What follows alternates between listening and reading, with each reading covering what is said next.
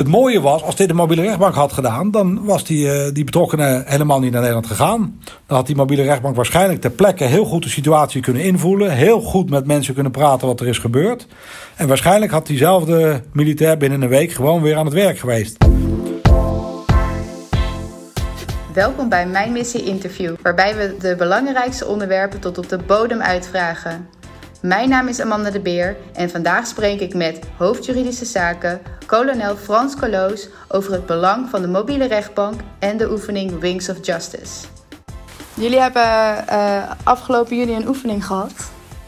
Kan je me daar wat over vertellen? Waar vond die plaats? Wat was het scenario? Ja, dat klopt. We hebben met de zogenoemde uh, mobiele militaire rechtbank de oefening Wings of Justice gedaan. En die vond plaats op vliegbasis Gilze van 29 juni tot en met 1 juli, een driedaagse oefening. En uh, nou, dat gaat om een fictief scenario natuurlijk bij een oefening. En het scenario was dat er een internationaal gewapend conflict uh, is, waar Nederland bij betrokken is. En in dat internationaal gewapend conflict, uh, ja, daar, daar, zet Nederland ook vliegtuigen bij in. En natuurlijk ook de, de, de, de staf die nodig is om, om die vliegtuigen aan te sturen. En in die staf geeft de Nederlandse officier uh, eigenlijk de goedkeuring om een bom uh, af te werpen. Alleen achteraf blijkt, nadat die bom ontploft is, dat uh, het doel niet een militair doel was, wat natuurlijk mag. Maar dat een burger is geraakt, wat natuurlijk niet mag. Normaal gesproken niet, tenzij een burger zelf actief aan de ge gevechten deelneemt. Dat was hier niet zo. Dus dat mag niet. Daar moet je natuurlijk iets mee, want dat kan niet. En dan is dat typisch een casus dat de rechter gaat bekijken van ja, is hier sprake van een strafbaar feit. Eerst natuurlijk de officier van justitie en na de hand uh, de rechter. Dat hebben we geoefend met die mobiele uh, rechtbank. Uh, aan de hand van dit scenario. Ehm, daar moet ik wel bij zeggen, zo'n zo'n mobiele rechtbank bestaat dus uit officieren van justitie, rechters, advocaten. Alles wat nodig is om zo'n hele rechtszaak ook op te tuigen. Ehm, nou, in dit specifieke geval bleek, als je dat onderzocht, dat de, deze officier die die goedkeuring heeft gegeven, uh, ervan op aan mocht dat de gegevens die hij heeft gekregen van buitenlandse partners klopten. En dat dat een militair doel zou zijn. Dus hij wist niet dat het om een burger ging. Hij kon dat echt niet weten. Ehm, daarbij komt ook nog die man ook nog eens een keer een plaatsvervanger was. Die de taak van zijn baas overnam. En dat onder grote tijdsdruk moest doen omdat het een ogenbliksdoel was. je kunt je voorstellen bijvoorbeeld, eh, zoals je nu ziet, dat de Oekraïne soms Russische generaals uitschakelt. Ja, als die generaal net ergens is, die mag je uitschakelen, dat is een militair doel. Ja, die blijft misschien niet heel lang op dezelfde plek. Dus op is, nu hebben we de kans om dat doel te raken. Nou, zo'n situatie deed zich voor van een ogenbliksdoel. Die man die eigenlijk die functie waarnam, moest snel beslissen. En ging uit op informatie waarvan uiteindelijk de rechtbank heeft gevonden Ehm, ja, dat hij daarop mocht vertrouwen dat, het, dat de toets al had plaatsgevonden dat het een militair doel was. Dus deze man is in dit geval vrijgesproken, wat natuurlijk onverlet laat dat het niet uh, goed is dat die bom is gegooid. Maar daar waren dan anderen voor verantwoordelijk. Dus dat was de casus die wij gespeeld hebben. Oké, en uh, toen kwam de mobiele rechtbank in actie. Uh, waarom de mobiele rechtbank? Wat, wat draagt de mobiele rechtbank bij eigenlijk aan, aan zo'n scenario? Ja, Zo'n zaak zou ook kunnen zijn berecht door de gewone rechtbank. En we hebben natuurlijk uh, ook een militaire kamer eh, een straf, van de strafrechtbank in Arnhem. Alleen de mogelijkheid bestaat ook om mobiele rechtbanken naar het buitenland te sturen, om daar militairen te berechten. En we zijn ook verplicht als krijgsmacht om zo'n mobiele rechtbank te hebben, hè, in leven te houden. Dus die hebben we ook. Die trainen we ook. En uh, ja, misschien goed om even te vertellen hoe zo'n rechtbank er dan uitziet. Wat dat, wat dat is. Hè? Want eh, je moet je voorstellen, je wil natuurlijk professionals hebben die recht spreken.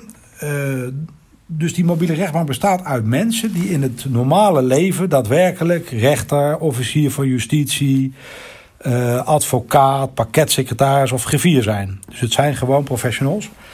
Alleen deze mensen hebben nog als extra dat ze ook militair zijn. Het zijn reservisten. Dat betekent dat die mensen dus ook kunnen schieten, een militair pak dragen, gekeurd zijn, ingeënt zijn en ook de militaire rechtspositie hebben. Die mensen kunnen dus ook omgaan met gevaar. Kun je ook in primitieve omstandigheden inzetten. En kun je dus bijvoorbeeld invliegen om recht te spreken in een oorlogsgebied. Wat toch misschien wat lastiger is met gewone rechters. Die misschien helemaal niet onder die omstandigheden kunnen werken. Dus dat is één, uh, dat is één zaak. Maar wat is nou precies een voordeel van een mobiele rechtbank? Kunt u me daar eens een voorbeeld van geven? Als we nou kijken naar wat in Rusland is gebeurd, in, uh, of in Oekraïne is gebeurd, uh, in Bucha. Hebben we misschien allemaal wel voor de geest al die, die lijken op de straat, de verhalen over de verkrachtingen, dat soort zaken. Ja, stel dat Rusland, dat wij nou Ruslands houden zijn geweest. Ja, Rusland kan die mensen terughalen. Ik denk niet dat ze dat gedaan hebben, want ik had niet het gevoel dat Poetin daar erg mee in zijn maag zat. Maar dat even terzijde. Maar als wij dat zouden hebben, ja, dan kun je natuurlijk die mensen terughalen naar Arnhem. Maar je kunt ook uh, een rechtbank naar de plaats brengen waar het is gebeurd. En dat kan voordelen hebben. Een voordeel is dat de, de mensen, zowel de advocaat als de officier als de rechter, ter plekke kunnen kijken. En zich dus een heel goed beeld van de situatie kunnen opdoen. Um, het voordeel is ook dat als je ter plekke recht spreekt, dat de lokale bevolking ook kan zien wat wij zouden willen als Nederland in ieder geval. Uh, als Nederlandse militairen zich aan dergelijke zaken schuldig maken, dat je ook de lokale bevolking, ook een vijandelijke bevolking, laat zien: ja, maar wij vechten wel, maar wij zijn geen misdadigers. Dus wij berechten mensen. En dat mogen jullie ook zien ook. Dat kan ook bijdragen aan het, uh, het draagvlak onder de lokale bevolking, internationaal. Maar een heel belangrijk voordeel is ook dat je daarmee heel snel kunt zijn soms. En um, dat je de, wat wij noemen moral disengagement uh, misschien snel de kop kunt indrukken. Als ook de collega's van uh, de militair die bijvoorbeeld een vrouw heeft verkracht, gelijk zien dat de collega eruit wordt gepakt, gelijk wordt berecht. Uh, ook de straf horen. Ja, dan heb je toch de kans dat andere mensen minder snel denken: nou ja, je ziet het recht gebeuren. Zowel de lokale bevolking als de eigen militairen die die dat meekrijgen. En ja, dat moral disengagement, dat is gewoon een gevaarlijk iets in een oorlogssituatie. Mensen lopen grote risico's, verliezen collega's. En uiteindelijk ben je soms een machtig iemand met een wapen in de hand... waar je in het normale leven heel die machtspositie niet hebt. En dat kan een giftig mengsel zijn. Nou, dat is bijvoorbeeld in zo'n scenario wat in, wat in Bucha is gebeurd... zouden wij bijvoorbeeld als Nederland kunnen zeggen... nou, als, als dat ons was overkomen, dan vliegen we de mobiele rechtbank in. En voor de militair zelf, zijn er voordelen voor hem of voor haar? Stel dat er gebeurt wat en de militair is onschuldig. Hij wordt vrijgesproken. Ja, dan kun je iemand natuurlijk laten berechten in Nederland. Je vliegt hem eerst het, het missiegebied uit. En dan duurt het soms ook een, een, behoorlijke tijd voordat de rechtszaak is. En na een half jaar of een jaar blijkt dat hij vrijgesproken wordt. Ja, dan heb je hem al die tijd niet in de missie gehad. Terwijl je hem daar wel nodig hebt. Maar ook de betrokken militair raakt natuurlijk onnodig beschadigd. Want voor een militair is niks erger dan uh, ja, gescheiden worden van je kameraden en je, je missie niet mogen afmaken. En wij noemen dat een repatriëring, hè, terughalen naar het land, repatriëring. Um, een mooi voorbeeld is van de oefening die wij vorig jaar hebben gehouden. Uh, nu was het een oefening in een, met een luchtmachtscenario op een luchtmachtbasis. Toen was het een oefening uh, in een landmachtscenario. Toen hebben wij een, een, een, daadwerkelijke casus nagespeeld die zich heeft voorgedaan in Afghanistan. Daar was een, een militair die liep wacht en die moest de wacht overdragen aan de andere militair. Die andere militair lag op een bedje.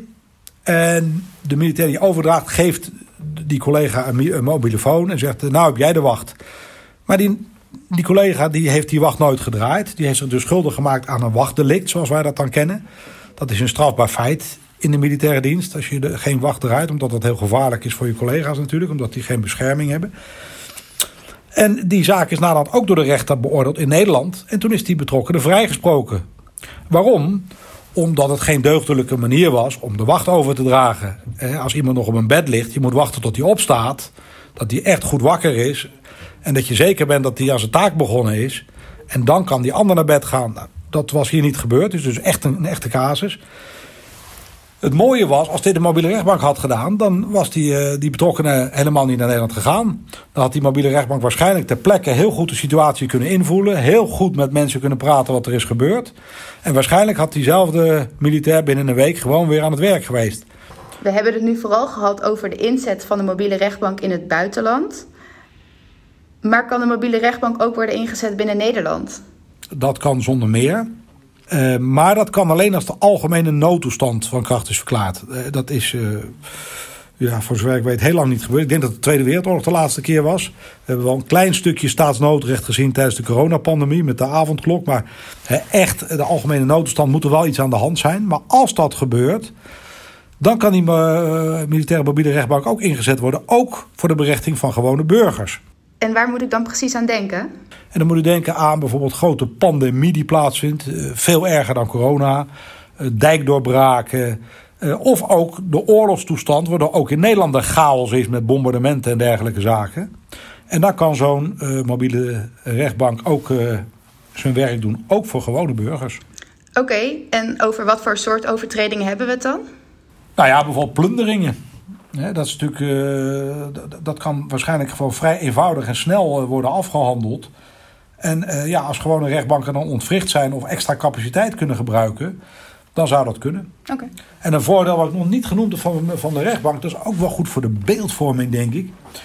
Um, omdat het natuurlijk allemaal militairen zijn. En dat je ook onder die primitieve omstandigheden. Denk aan een grote orkaan. bijvoorbeeld in het Caribisch gebied. Noem maar wat. Eh, dan heb je ook mensen, zoals gezegd, die dus militair zijn ingeënt en alles, die onder primitieve omstandigheden kunnen werken. hey, een hele praktische vraag. Hoe wordt een mobiele rechtbank eigenlijk opgezet? Als ik bijvoorbeeld kijk naar de oefening die we hebben gedaan vorig jaar. Dat was uh, bij de Heilig Landstichting. Dat past natuurlijk mooi bij een Afgaansachtige sfeer. Hè, met die, die Heilig Landstichting, met die huisjes daar zo.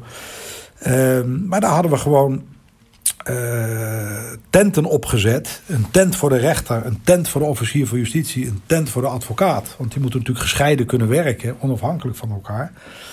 En die mensen moesten zelf ook s'nachts wachtlopen. En natuurlijk, om het ook een beetje moeilijker te maken, hebben ze ook een beetje wakker gehouden.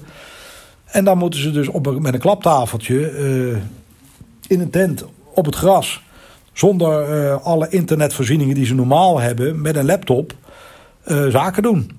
En dat is heel goed gegaan. Dat is het leuke. Het is heel goed gegaan. Dus uh, nou, dat geeft ook het nut aan dat je iets hebt als alles faalt. Dat je nog een laatste redmiddel hebt van mensen die onder die omstandigheden recht kunnen spreken. Is de oefening geslaagd volgens u? En hoe ziet de toekomst eruit? Ik ben nu al heel tevreden over uh, deze oefening. Er is goed werk geleverd in een eh, hele korte tijd tot een goede uitspraak gekomen. Uh, Waar ze de eerste oefening vorig jaar echt met de landmacht hebben kennisgemaakt. Dit jaar ook met de luchtmacht. Wil ik volgend jaar met de mensen naar de eh, marine gaan. De marine wil er ook aan meewerken. Uh, zodat ze echt een maritiem uh, marine scenario krijgen. En wat dat is, dat laat ik aan de marine. Dat kan iets zijn met een schot voor de boeg. Of iets met een maritieme landing waar iets verkeerd gaat. we gaan het zien. Maar het idee zou kunnen zijn dat dit in Den Helder is op een marineschip. Dat ze daar moeten rechtspreken. Maar dat de hele, hele voorfase met het onderzoek. Dat ze bijvoorbeeld met bootjes naar Texel moeten. En daar een onderzoek moeten doen naar een lokale situatie. En dan terug op het schip bijvoorbeeld de recht gaan spreken. Dus uh, ja, dan, dan hebben de leden van de mobiele rechtbank ook kennis gemaakt met de drie krijgsmachtdelen. Er zijn natuurlijk meer krijgsmachtdelen, maar even de, de, de grootste. En uh, ja, verder proberen we nog een aantal andere randvoorwaarden in te vullen om uh, nog beter inzetbaar te zijn. En dat varieert van een, uh, een set spullen te maken die we zo kunnen meepakken met alle boeken en formulieren die nodig zijn om onder primitieve omstandigheden recht te kunnen spreken. Tot SharePoint pagina's en, en al dat soort zaken meer. omdat we gewoon we hebben de wettelijke plicht om het te hebben. We zien uh, toch de mogelijkheden van zo'n mobiele rechtbank. We zien ook dat de situatie in de wereld verandert. We hebben nu corona gezien. We zien de oorlog uh, tussen Oekraïne en Rusland. En dan nemen we dit ook gewoon serieus. Dat als op de knop wordt gedrukt, uh, deze mensen ook daadwerkelijk hun werk kunnen doen. Dank voor het luisteren naar mijn missie interview. Je volgt de landmacht op Twitter, Facebook, YouTube en Instagram. En natuurlijk door je te abonneren op deze podcast. Fijne week en tot de volgende!